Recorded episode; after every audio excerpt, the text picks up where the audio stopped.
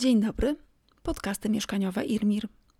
Słuchacie Państwo podcastów mieszkaniowych Instytutu Rozwoju Miast i Regionów, w których odpowiadamy na najważniejsze pytania dotyczące zamieszkiwania w ogóle i bardzo wielu powiązanych z tym codziennych szczegółów.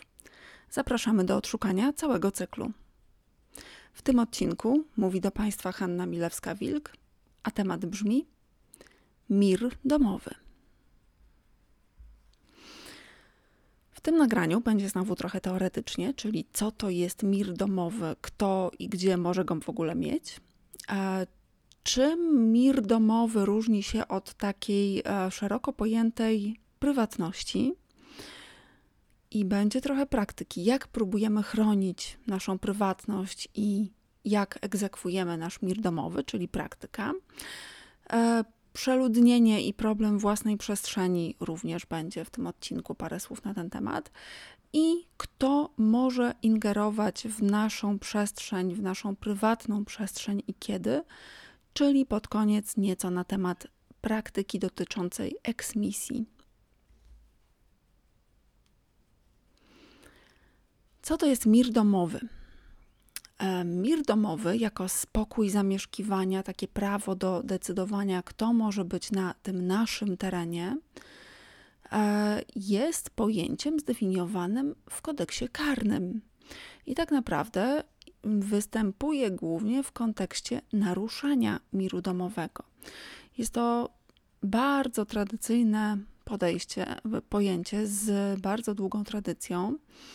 E, I właśnie dotyczy tego, że e, ktoś może wejść na nasz teren, do naszego mieszkania za naszą zgodą wyłącznie, że możemy żądać, żeby ten ktoś opuścił to nasze miejsce, kiedy nam przestaje się podobać to, co robi, bądź e, jego obecność staje się niewygodna.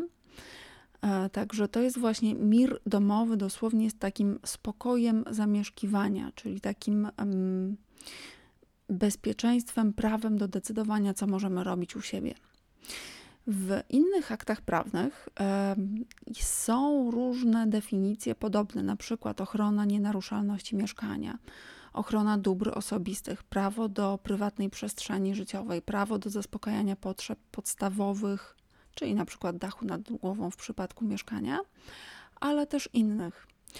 Y, tak naprawdę poza kodeksem karnym te pojęcia e, pozostałe wymienione są w bardzo wielu aktach prawnych i w różnych międzynarodowych, i w e, ustawach e, naszych, i w konstytucji również. Dlatego mm, sam mm, mir domowy jest jakby takim pojęciem, które jest nazwane i zdefiniowane. Pozostałe są dużo, dużo szersze, ale można je powiązać. No dobrze, ten mir, kto może go mieć, gdzie można mieć taki mir domowy? Większość z nas tak naprawdę stosuje się do takiego przestrzegania własnego i cudzego miru domowego e, w bardzo prosty sposób. E, pukamy do cudzego mieszkania i w tym momencie, jeżeli ktoś nas wpuszcza, to uznajemy, że możemy wejść. Nie wchodzimy raczej samowolnie na czyjś teren do czyjegoś mieszkania. E, ten, kto wpuszcza i może prosić o opuszczenie domu lub terenu, to niekoniecznie zawsze jest właściciel tego mieszkania lub domu, tego terenu, tej nieruchomości to może być po prostu osoba władająca daną nieruchomością na podstawie na przykład umowy najmu. To może być po prostu stały mieszkaniec. W końcu to może być osoba nawet zajmująca oby przez chwilę salę szpitalną, bo wchodząc również, odwiedzając kogoś w szpitalu, również pukamy do sali, do pokoju, pukamy i sprawdzamy, pytamy, czy możemy wejść. E, Czyli właściwie każda osoba zajmująca jakąś przestrzeń może być uznana i może być właśnie tą osobą, która ma mir, dysponuje tą przestrzenią.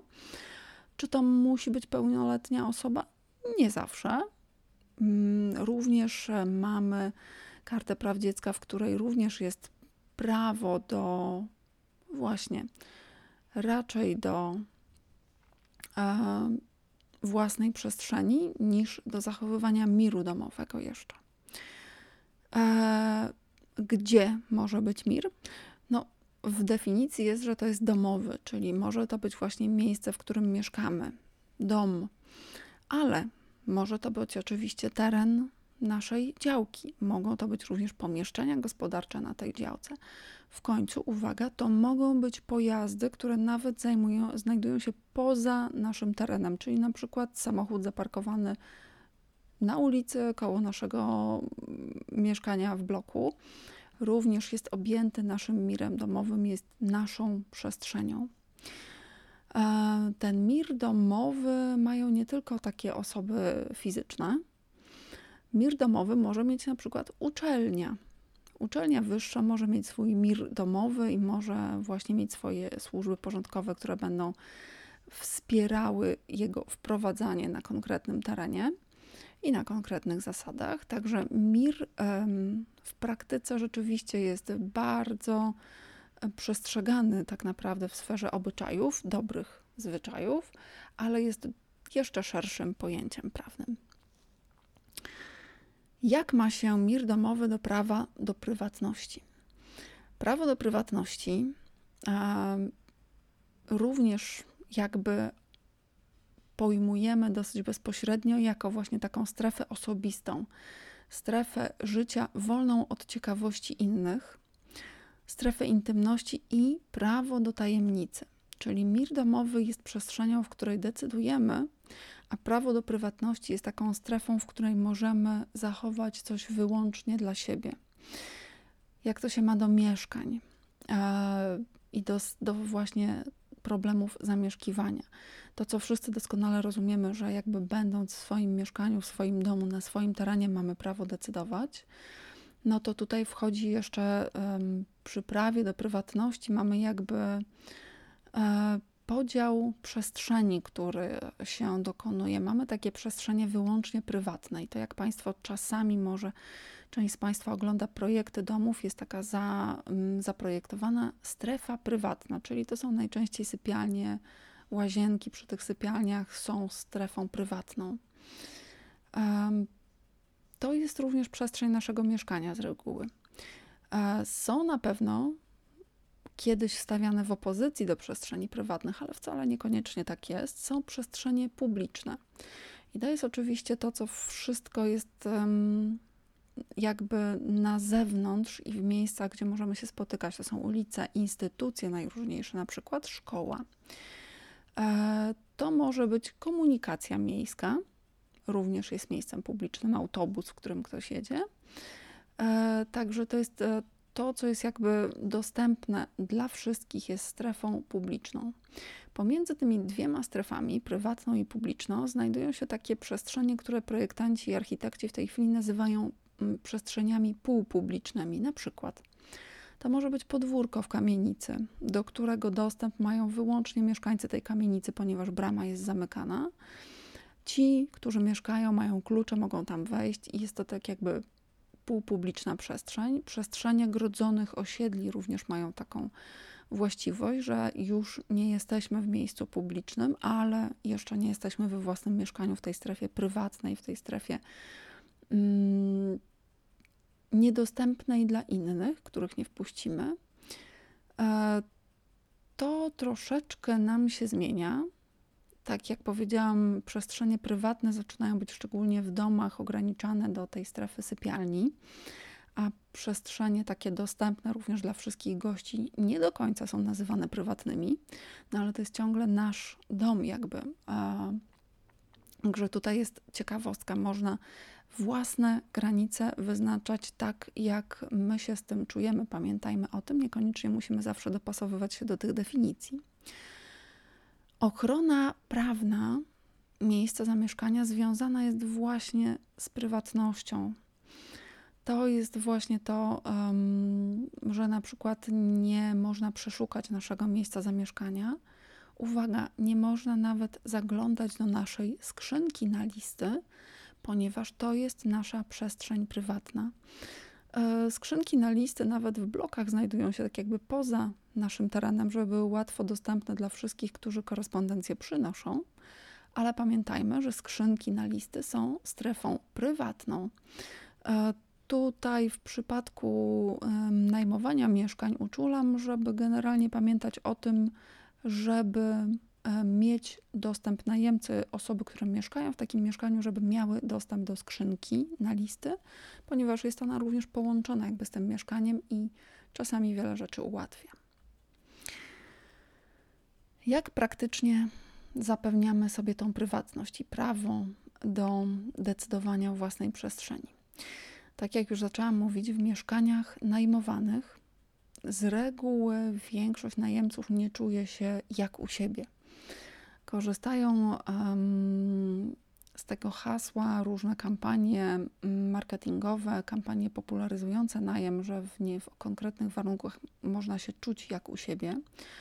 No ale ten najem i na przykład wizytacje, jakieś kontrole, ograniczenia dotyczące wystroju mieszkania sprawiają, że jakby ta nasza prywatność nie jest pełna, bo ktoś może nam w nią zaingerować. E, komuś będziemy musieli pokazać to, jak mieszkamy, i ta osoba będzie miała prawo powiedzieć, że no tutaj na przykład trzeba będzie naprawić te uszkodzenia ściany, albo że um, można by było to zrobić inaczej, no to jest dosyć niekomfortowe i ta właśnie prywatność, um, naruszenia prywatności odczuwamy bardzo w mieszkaniach na wynajem. Nie zawsze i nie wszędzie, ale rzeczywiście są takie główne założenia. Firanki i różne sposoby zasłaniania okien są właśnie też takim sposobem ochrony naszej prywatności. Szczególnie jeżeli te mieszkania są na przykład na parterze, gdzieś przy jakimś e, przejściu, chodniku. Jeżeli również mamy zbyt małe odległości pomiędzy oknami sąsiadów, to tutaj firanki są takim ciekawym rekwizytem prywatności, najróżniejsze formy przesłaniania okien. Otwarta przestrzeń w mieszkaniach staje się coraz bardziej popularna E, ale ciekawostkę zauważyli również e, firmy, które zajmują się na przykład sprzedażą mieszkań, firmy, które filtrują na przykład ogłoszenia również z rynku pierwotnego, z rynku wtórnego dotyczące właśnie sprzedaży mieszkań. Otwarta przestrzeń stawała się coraz bardziej popularna i lubiliśmy otwartą przestrzeń, natomiast w czasie pandemii, kiedy to E, część osób musiała na przykład uczyć się albo pracować e, z domu, z miejsca, gdzie mieszka. Nagle okazywało się, że możliwość zamknięcia drzwi, bycia w osobnej, odciętej przestrzeni i właśnie ta prywatność, czyli że nie wszyscy słyszą, o czym mówimy, i z kolei my nie musimy słuchać dokładnie tego, co mówią inni domownicy, jest bardzo cenna.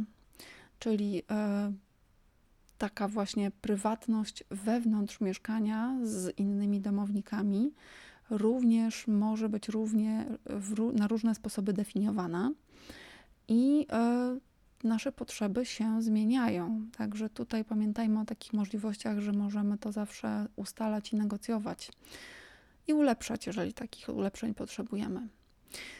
Ciekawym takim praktycznym obrazem dotyczącym sposobów odcinania się, jakby zachowywania tej przestrzeni półpublicznej, półprywatnej, w końcu prywatnej, jest e, takie mm, ograniczanie przestrzeni. Grodzone osiedla były właśnie e, takim e, objawem. Innymi objawami są może w tej chwili już mniej obecne, ale na przykład kiedyś w wieżowcach szczególnie zakładano na korytarzach, jeżeli na korytarzu było kilka mieszkań, czasem nawet kilkanaście, zakładano dodatkowe drzwi, kraty, które odcinały na przykład kilka mieszkań z własnym korytarzem od takiej przestrzeni bardziej publicznej, czyli od klatki schodowej.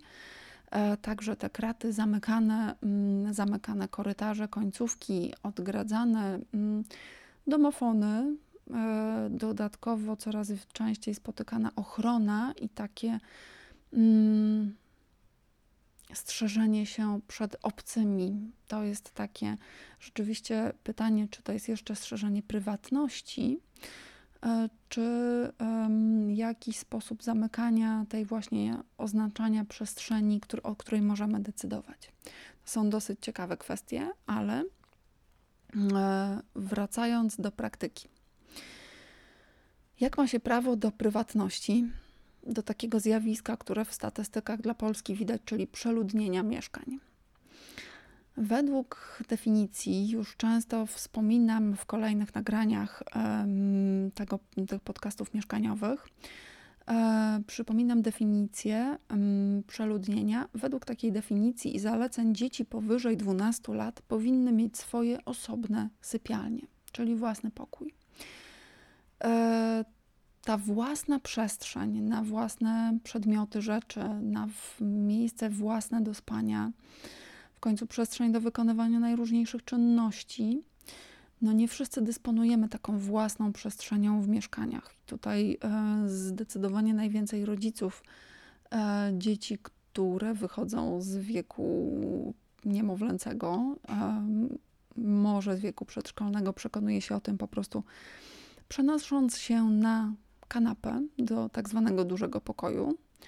E, tej własnej przestrzeni, no nie możemy jej jakoś często oznaczyć, nie mamy jej. E, a jest ona potrzebna e, i to również wychodzi w różnych badaniach. Ciekawym zjawiskiem takiej własnej przestrzeni i tego, jak duża powinna być ta przestrzeń, są właśnie na przykład tak zwane mikrokawalerki, mikroapartamenty. To zjawisko pojawia się najpierw i w tej chwili głównie na rynku, pojawiło się najpierw na rynku najmu, teraz pojawia się, można kupować już dla siebie bądź na wynajem takie mikroapartamenty, mikrokawalerki. Mm, ciekawe jest to, co się pojawia w tej chwili, również przyspieszone przez pandemię, ale tak zwana, ja to nazywam trendem prywatyzacji łazienek, czyli że chcemy mieć własną taką przestrzeń całkowicie prywatną w postaci łazienki. Nie chcemy z nikim tej łazienki dzielić, szczególnie z osobami, których nie znamy, które nie są naszą rodziną w jakiś sposób. Także te małe przestrzenie rzeczywiście zaczynają e, być dosyć popularne. I część osób zarzuca im właśnie coś takiego, że w, w takich w, przy że są badania naukowe, które pokazują, że osoby na, żyjące na małych przestrzeniach mm, no, mogą w pewien sposób cierpieć, źle się z tego powodu czuć. Tylko, że właśnie mm, te badania dotyczą bardziej takich warunków, kiedy to jesteśmy stłoczeni na małej przestrzeni, kiedy dzielimy przestrzeń z innymi osobami, kiedy właśnie nie mamy swojej prywatności, kiedy po prostu żyjemy w przeludnionych mieszkaniach, nie mamy takiego własnego, wyznaczonego terenu, własnego miejsca.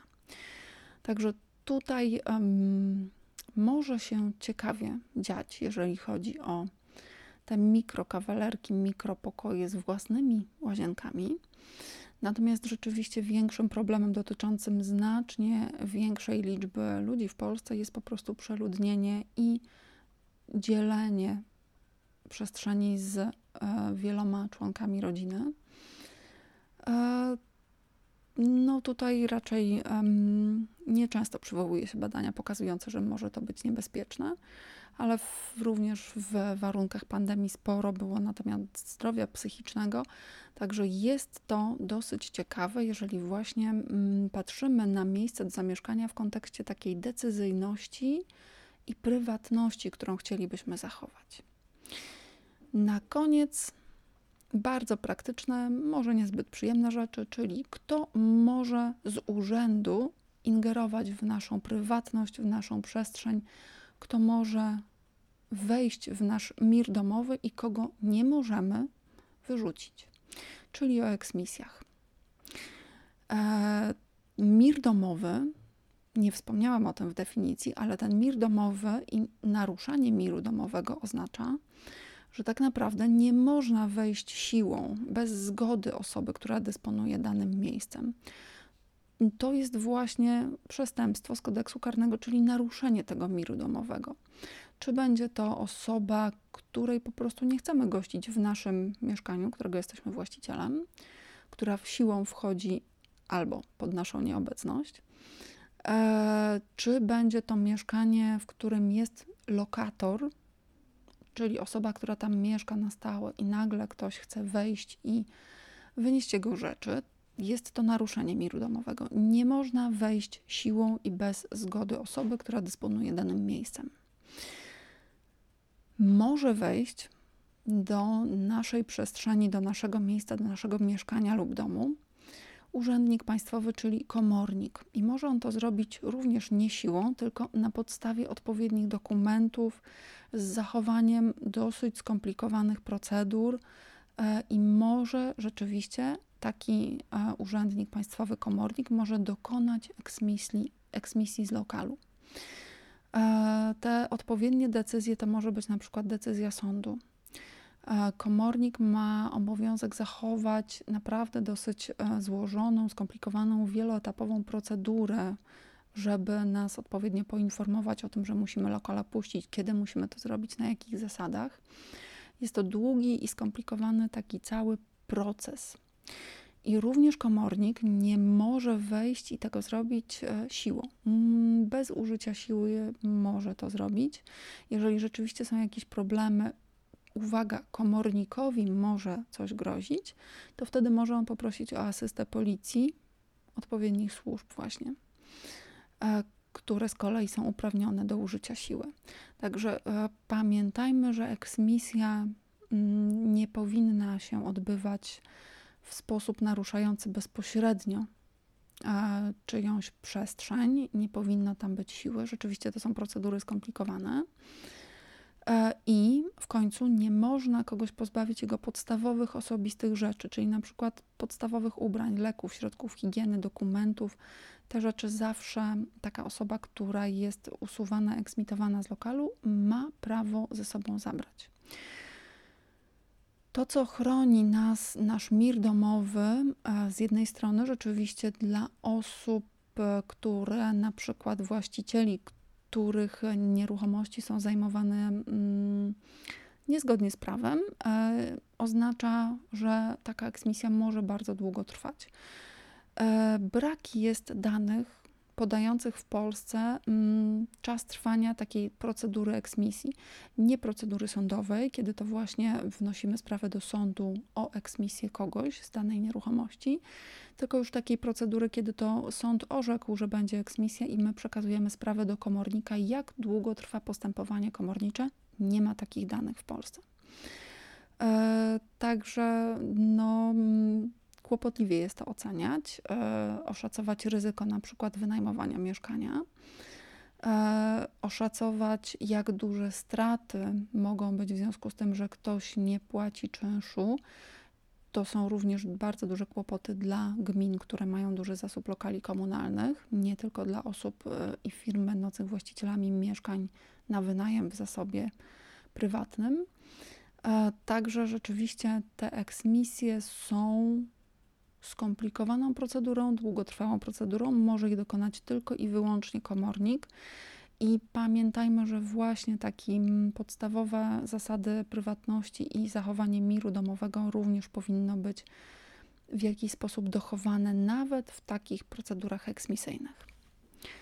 Jeżeli chcieliby Państwo więcej dowiedzieć się na temat e, tych pojęć i spraw, które poruszyłam właśnie w tym nagraniu, polecam Definicja naruszenia miru domowego jest w kodeksie karnym w artykule 193. E, wiele esejów i praca, taka monografia dotycząca naruszania miru domowego wyszła w 2019 roku e, pod redakcją pana Marka Mozgawy, e, wydawnictwo Wolters, Wolters Kluwer Polska. Ustawa o ochronie praw lokatorów e, właśnie określa również te zasady, kto jest lokatorem i kiedy jest chroniony właśnie w danej nieruchomości jako jej lokator. E, są dwie ustawy już w tej chwili dotyczące komorników i zawodu komornika i postępowania komorniczego. Tutaj są te procedury, których musi komornik dochować i co może zrobić, czego nie może zrobić. zrobić tej chwili jeszcze obowiązuje w dniu nagrywania mm, e, tego, tego mm, odcinka podcastów mieszkaniowych e, obowiązują tak zwane ustawy covidowe, mm, zawieszające całkowicie eksmisję z lokali mieszkalnych. Także po prostu w tej chwili, nawet jeżeli zatrudniliśmy komornika kiedyś, nawet jeżeli komornik rozpoczął na przykład wobec nas procedurę eksmisyjną, nie można jej skończyć. Eksmisje są zawieszone do czasu właśnie zmiany tych tak zwanych ustaw covidowych. E, także polecam sprawdzenie tych pojęć i dziękujemy za wysłuchanie kolejnego odcinka podcastów mieszkaniowych Instytutu Rozwoju Miast i Regionów. Zapraszamy do subskrypcji, komentowania, zadawania pytań. Mogą Państwo znaleźć nasze podcasty na stronie internetowej www.irmir.pl łamane przez podcasty mieszkaniowe Irmir. Mogą nas Państwo znaleźć na wszystkich dużych platformach podcastowych.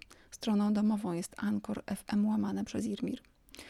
Zapraszamy osoby, które lubią widzieć to, o czym jest mowa, na kanał YouTube Instytutu Rozwoju Miast i Regionów. W playliście podcasty mieszkaniowe znajdziecie Państwo nagrania prezentacji do każdego odcinka. I wszelkie zapowiedzi, nowe odcinki są również dostępne na Facebooku Centrum Doradztwa Rewitalizacyjnego IRMIR. Zapraszamy do polubienia profilu. Do usłyszenia.